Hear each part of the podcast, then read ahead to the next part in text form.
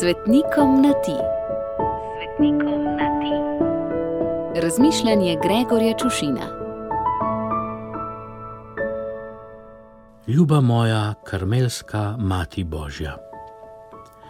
Da v naši mali deželici, gosto posejani s hribčki in cerkvicami, vsak šesti hribček nosi tvoje ime in da je vsaka četrta cerkvica tebi posvečena, na to sem se že navadil. In daleč od tega, da bi me motilo, da skoraj da ne mine teden v letu, da bi ti ne praznovala, godovala ali slavila takšno ali drugačno opombo in spomin, sem tudi že sprejel. In sem se navadil še, da se te tudi sam ne le tedensko, temveč večkrat dnevno spomnim. Vsaj zjutraj in zvečer, če že preslišimo podansko zvonjenje ali pa ga preglasi kruljenje v želodcu.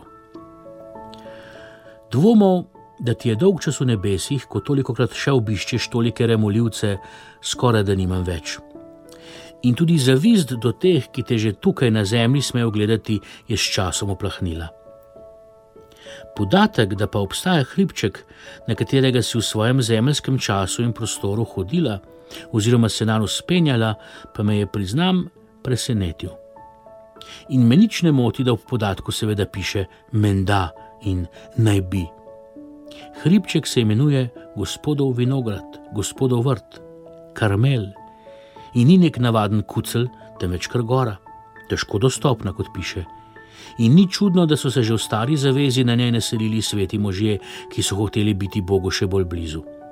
Prerok Elija, naprimer, ki na tej gori Boga doživel ne v ognju, ne v silnem viharju, ki ruši gore in lomi skale, ne v potresu, ampak v glasu rahlega šepeta.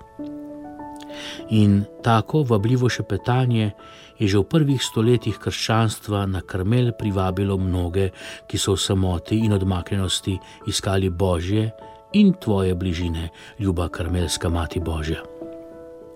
Križari, ki so se iz vojne vihre, ki se je bila za Jeruzalem, umaknili v zavetje Karmela, da bi usvojili nebeški Jeruzalem, so postavili temelje danes poznanim karmeličanskim redovom, ki ob manjših razlikah v pravilih želijo služiti Bogu v molitvi in živeti v božji navzočnosti, hoditi za Kristusom s čistim srcem in dobro vestjo, ter zatekati se k Božji materi Mariji kot k materi in sestri. In ko dvakrat preberem tale osnovna karmeličanska navodila, se mi zdi, da sem še sam karmeličan, pa čeprav nisem popuščavsko zaprt ne v votlino, ne v samostansko celico. Ljuba moja karmelska mati Božja, obilo žegna ob še enem od tvojih premnogih godov, pa nam ga vrni in izli na nas svoje otroke, na tiste, ki so se še posebej tebi posvetili, in na tiste, ki včasih svetimo, včasih pa ne. Gregor.